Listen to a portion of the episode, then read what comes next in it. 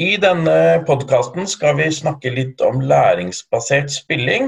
Eh, og vi har vært så heldige å få med oss Odin Nøsen og Alexander Husøy fra Spillpedagogene. Eh, dere er opptatt av begrepet læringsbasert spilling. Hva er forskjellen på læringsbasert spilling og spillbasert læring?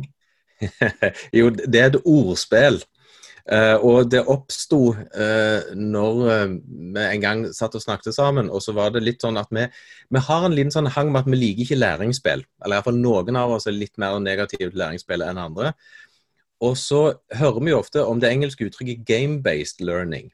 Og der er det ofte at vi som, som direkte oversatte er spillbasert læring. Og det blir ofte også brukt på norsk. Og så liker vi ikke helt, eller noen av oss, ikke helt uh, selve formen i det. Og så tenker vi at hvis vi, hvis vi skal få et annet uttrykk, istedenfor at det skal være læring som foregår på en måte med spillmekanikker, som, som ofte læringsspill bruker, så er liksom, ja, men hvordan er det vi i spillpedagogene ønsker å bruke spill? Jo, vi, vi, vil det motsatte. Vi vil at vi skal spille, at elevene skal spille, men at vi bruker det til læring. Og da blir det læringsbasert spilling istedenfor at vi skal ta spillmekanikken og bruke det i læringen. Så, så det er egentlig et lite sånn ordspill for å røske litt i begrepet spillbasert læring, som veldig mange bruker.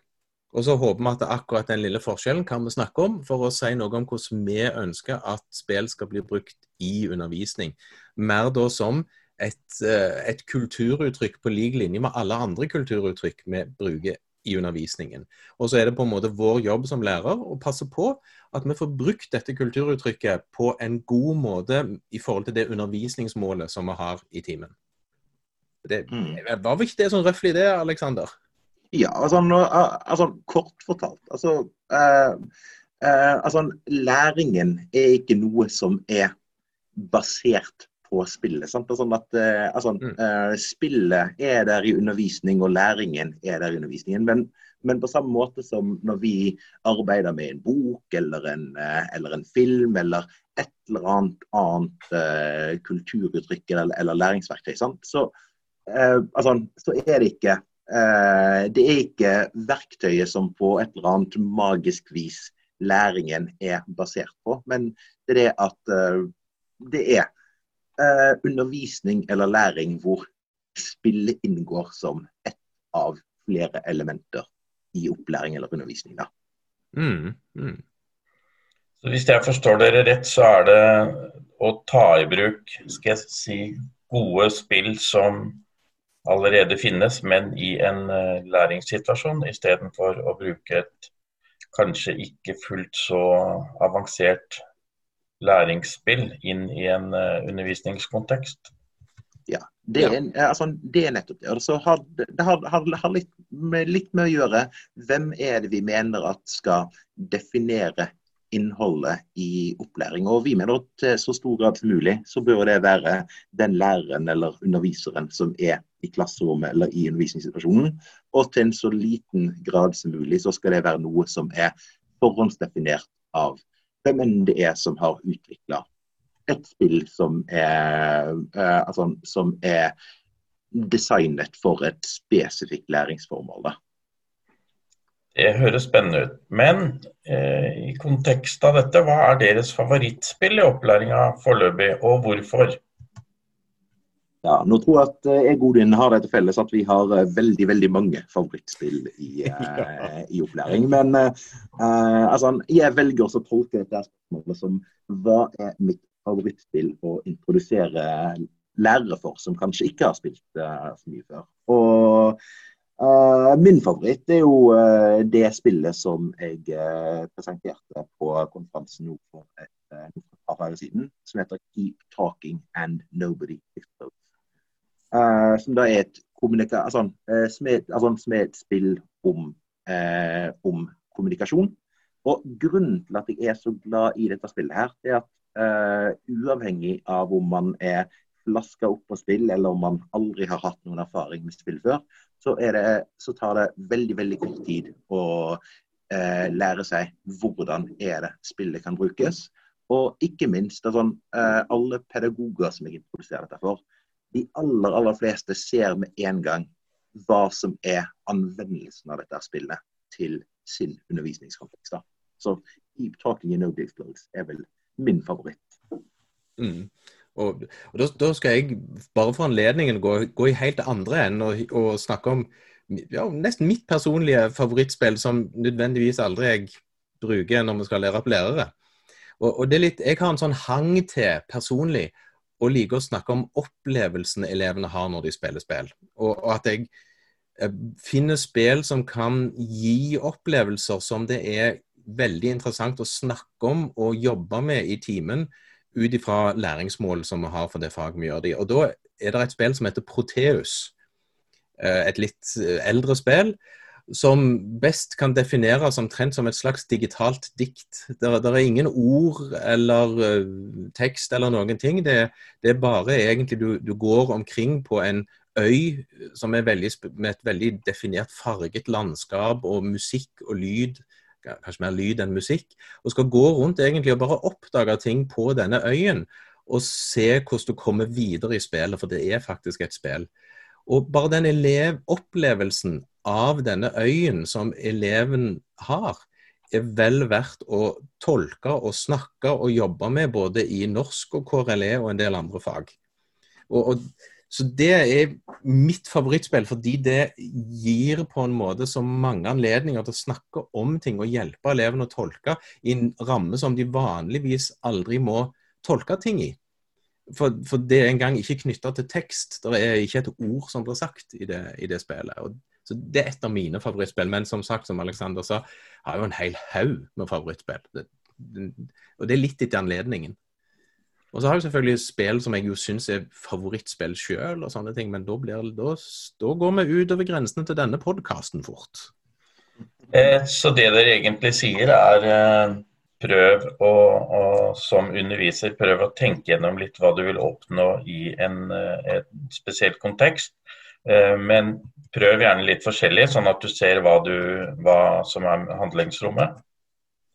Men hvordan ser dere muligheten for dette å bruke spill i opplæring og utdanning for voksne? For mange spill er jo skal jeg si, konsentrert rundt barneskolen og, og læring av barn. Men hvordan kan vi bruke dette for voksne?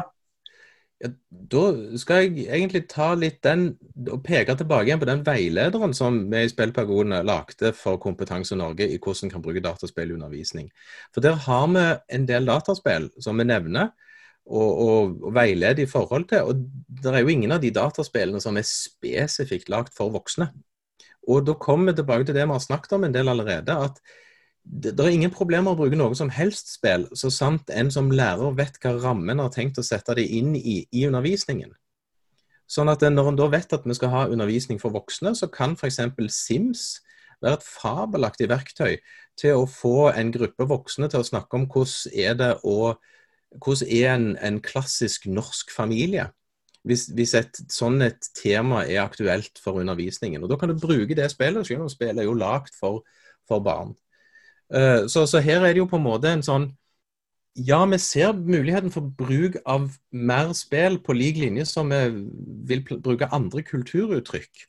Og Da er det noen spill som jo da kan være gode i undervisningen av voksne innenfor rammen f.eks. til Kompetanse Norge. Og Da er det jo å tenke ut å være lærer og tenke hvordan kan jeg bruke dette spillet til å forsterke og åpne opp undervisning eller læringsmuligheter for den gruppen jeg har, ved hjelp av det som dette spillet på en måte kan ramme inn. Og da f.eks. The Sims må lage en norsk familie og så snakke med deltakerne om ja, hva, hva er dere har lagt, hvordan ble denne familien, hvorfor ble han sånn, hva så dere for dere, osv. Ja, og en, en ting som jeg kan legge til der, er sånn at når man tenker spill, og når man, eh, altså hvis man, når man eh, altså Når man hører om spill i undervisningen, så er det lett å tenke underholdning. At nå er det, eh, nå er det et mål om at man skal underholde, eh, underholde elevene, og man skal underholde de som er under, eh, som er under opplæring. Og for all del, spill kan også være underholdende. men Eh, målet vårt og det som bør være målet til pedagoger som skal ta spill i undervisningen, bør ikke først og fremst være underholdning, men det er de eh, de opplevelsene som man kan møte i spillet. Som f.eks. Molin sier i The Simpsons. Det handlingsrom og de opplevelsene som man møter i, møter i The Sims, det er det som er interessant. Ikke ja, eh, eh, altså ikke moroaspektet ved The Sims. I alle fall ikke i seg selv. Men det gjør vel ikke noe om det er litt moro også? Nei, det var det, det jeg skulle til å si. Det, det skader ikke. Men, men, det er veldig viktig å si, og det, og det er vi fryktelig opptatt av, det er ikke hensikten at det skal Nei. være morsomt. Nei. Men jeg har jo som, som uh, ikke-praktiserende underviser vært og sett på uh, hvordan dette har blitt brukt for voksne elever på en ordentlig måte. Forskjellige typer spill, bl.a. noen av de dere anbefaler. Det jeg syns var spennende som, som uh, betrakter utenfra, var jo å se det engasjementet som eh, oppsto i undervisningssituasjonen, som, som overraska meg egentlig, hvor, hvor, spennende deltakerne syns det var. Men hvis ja. Bare, jeg skal bare bryte inn bitte litt der i spørsmålet og, og, skyte inn. Det er jo en av de tingene vi mener jo at spill kan gjøre litt annerledes andre. Så spill oppfordrer jo spilleren til å delta. Og det er denne deltagelsen som som en ikke skal forveksle med, med motivasjon uh, og, og, at det er morsomt. Men, men et spill krever en deltakelse. Og, det, og denne deltakelsen er jo en, en, styrke som en kan bruke i undervisning. Men det er ikke dermed sagt at alle deltakere ønsker å delta, hvis de ikke på en måte kjenner seg igjen i situasjonen. Men, men et spill forventer deltakelse på en annen måte enn kanskje en film og en bok gjør. Det er jo spennende betraktninger rundt eh, det å ta i bruk spill som en del av opplæringen, hvor, hvor, hva man kan oppnå med det. Men hvis dere vil gi ett tips da, til en underviser som har lyst til å prøve dette, eh, hva er det første og beste tipset deres? Ja, det er egentlig det samme tipset som jeg gir til alle elevene mine, uavhengig om det er spill vi holder på med eller ikke. Og det er at Man skal ikke være redd for å, man, altså, man skal ikke være redd for å feile. Uh, for at vi vet jo det at ved hele dette her spilldomenet, for veldig mange lærere, så føles det som at man trer inn på ja, farlig farvann. At det er et område som man kanskje ikke har så, altså, uh, kanskje ikke har så mye, så mye, erfaring med fra før av. Men eh, vi som lærere på akkurat samme måte som elevene våre, for at vi skal kunne utvikle oss, så må vi tre inn på denne her ukjente grunnen. Og med veldig mange av de spillene som vi omtaler i denne veilederen, så er det spill som det er, har en relativt lav kostnad om du feiler. Det er, spill, eh, det er, spill, som man kan spille over et kort tidsrom, noen så lite som en 15-20 minutter. Sant? Og hvis da undervisningsopplegget ikke går helt sånn som du har ønsket deg, så OK, så har du hatt en erfaring. Du har kanskje, eh, altså, du har kanskje sløst bort, eh, altså, eh, altså, sløst bort en time eller deler av en undervisningstime. Men eh, for at vi skal kunne utvikle oss som pedagoger, så må vi også prøve oss på ting som er utenfor vår egen komfortsone. Mm, det, det, det, er den ene tingen. Og den andre, også litt fra en opplevelse, sier finn det spill du syns var kjekt. Altså Finn et spill du liker å spille sjøl, og som der du kan på en måte få ideen ah, dette var kjekt, dette kunne, dette kunne jeg brukt på en måte i min undervisning. For jeg syns dette var kjekt, da tror jeg òg at elevene mine kommer til å synes det er kjekt. Og så, som Alexander sier, ta sjansen på, på, på den biten der. Og det gjør vel at vi får en fin overgang til de siste spørsmålene, som går da mest til Odin, fordi at du er en leder. Og da tenker jeg, eh, hva er rollen din som leder i å, å gi et godt grunnlag for at uh, dine lærere, undervisere, skal kunne ta i bruk spill i sin undervisning? Altså, den, den, den, det veldig enkle svaret, og helt korrekte, det er jo rett og slett gi de rammen til å tåre å prøve. Altså gi de rommet som, som, de trenger for å prøve. Som betyr i praksis at eh, gi det et klapp på skulderen, la de våge, og gjerne gi de de litt ekstra ressursene som de kanskje trenger på veien til altså at hvis det på skolen eller undervisningsinstitusjonen at kanskje kjøp en Nintendo Switch. Kjøp inn noen spill. La de ha noe å eksperimentere med, og gi de det spillerommet. Og som for så vidt Alexander var inne på i forrige runde, ikke tro eller møt med en fordom om at dette bare er underholdning. En, en god lærer vil kunne bruke et hva slags som helst spill, og et, et reinspikka underholdningsspill, på en god måte i undervisningen, så sant de selv holder begge hendene på læringsrattet. Og, og, Da er det med å stole på at læreren kan få det til. Og Skal du toppe det som skoleleder, så er det jo egentlig å ha litt kunnskap om dette sjøl, sånn at du faktisk kan gå inn i samtale med læreren om den undervisningen som foregikk, og, og hvordan dette passet inn i brukerspillet. Så, så det, de to tingene egentlig gir læreren rom til å få prøve det, med litt sånn organisatorisk støtte rundt dette av teknisk art. Og òg sett deg litt inn i det, sånn at du òg har en, en, kjennskap til hva dette i hovedtrekk handler om. Du trenger ikke nødvendigvis ha gjort det selv i klasserommet, men, men forstå litt rammen for hvordan spill kan brukes i undervisning på en positiv måte. Veldig spennende. Hvis jeg bare kunne fått legge litt til fra, altså, fra lærersiden der også. Det at når jeg begynte å bruke spillundervisningen for nå er det vel rundt en, rundt en ti år siden Min bakgrunn var jo at jeg visste veldig mye om spill fra før av. Men det å bruke spill på en hensiktsmessig måte i klasserommet, det var jo helt nytt for meg også. Og eh, altså, hvis jeg ikke hadde hatt en leder som både ga eh, rom med økonomi og tid, og ikke minst ga rom for at det var helt altså, det var akseptabelt at uh, det var ikke alle disse her ville forsøkene med spill som fungerte akkurat sånn som jeg ville på, på første forsøk. Så altså, Hvis jeg ikke hadde hatt en leder som hadde gitt meg det rommet, så uh, ville nok ikke jeg ha kunnet utvikle meg som ja, lærer og spillpedagog på den måten som jeg gjorde. Så lederne er utrolig viktig for mm. at uh, ja, utvikling, og da i dette tilfellet her utvikling med spill, skal kunne skje på en skole.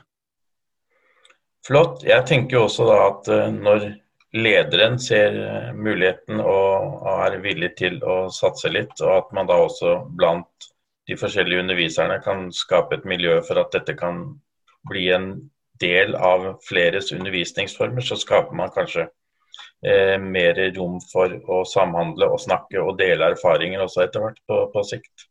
Mm. Så vår anbefaling vil være, hvis du syns dette høres spennende ut, ta gjerne en kikk på hva spillpedagogene har kommet med anbefalinger.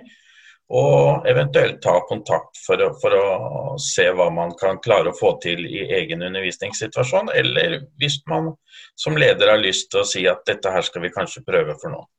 Og så, ikke minst, kikk i veilederen som Kompetanse Norge har. Ja. ja. Takk for det. Så da sier jeg takk til Odin og Aleksander fra Spillpedagogene, og sier lykke til til alle de som har lyst til å, å starte med spill i læringsprosessen sin.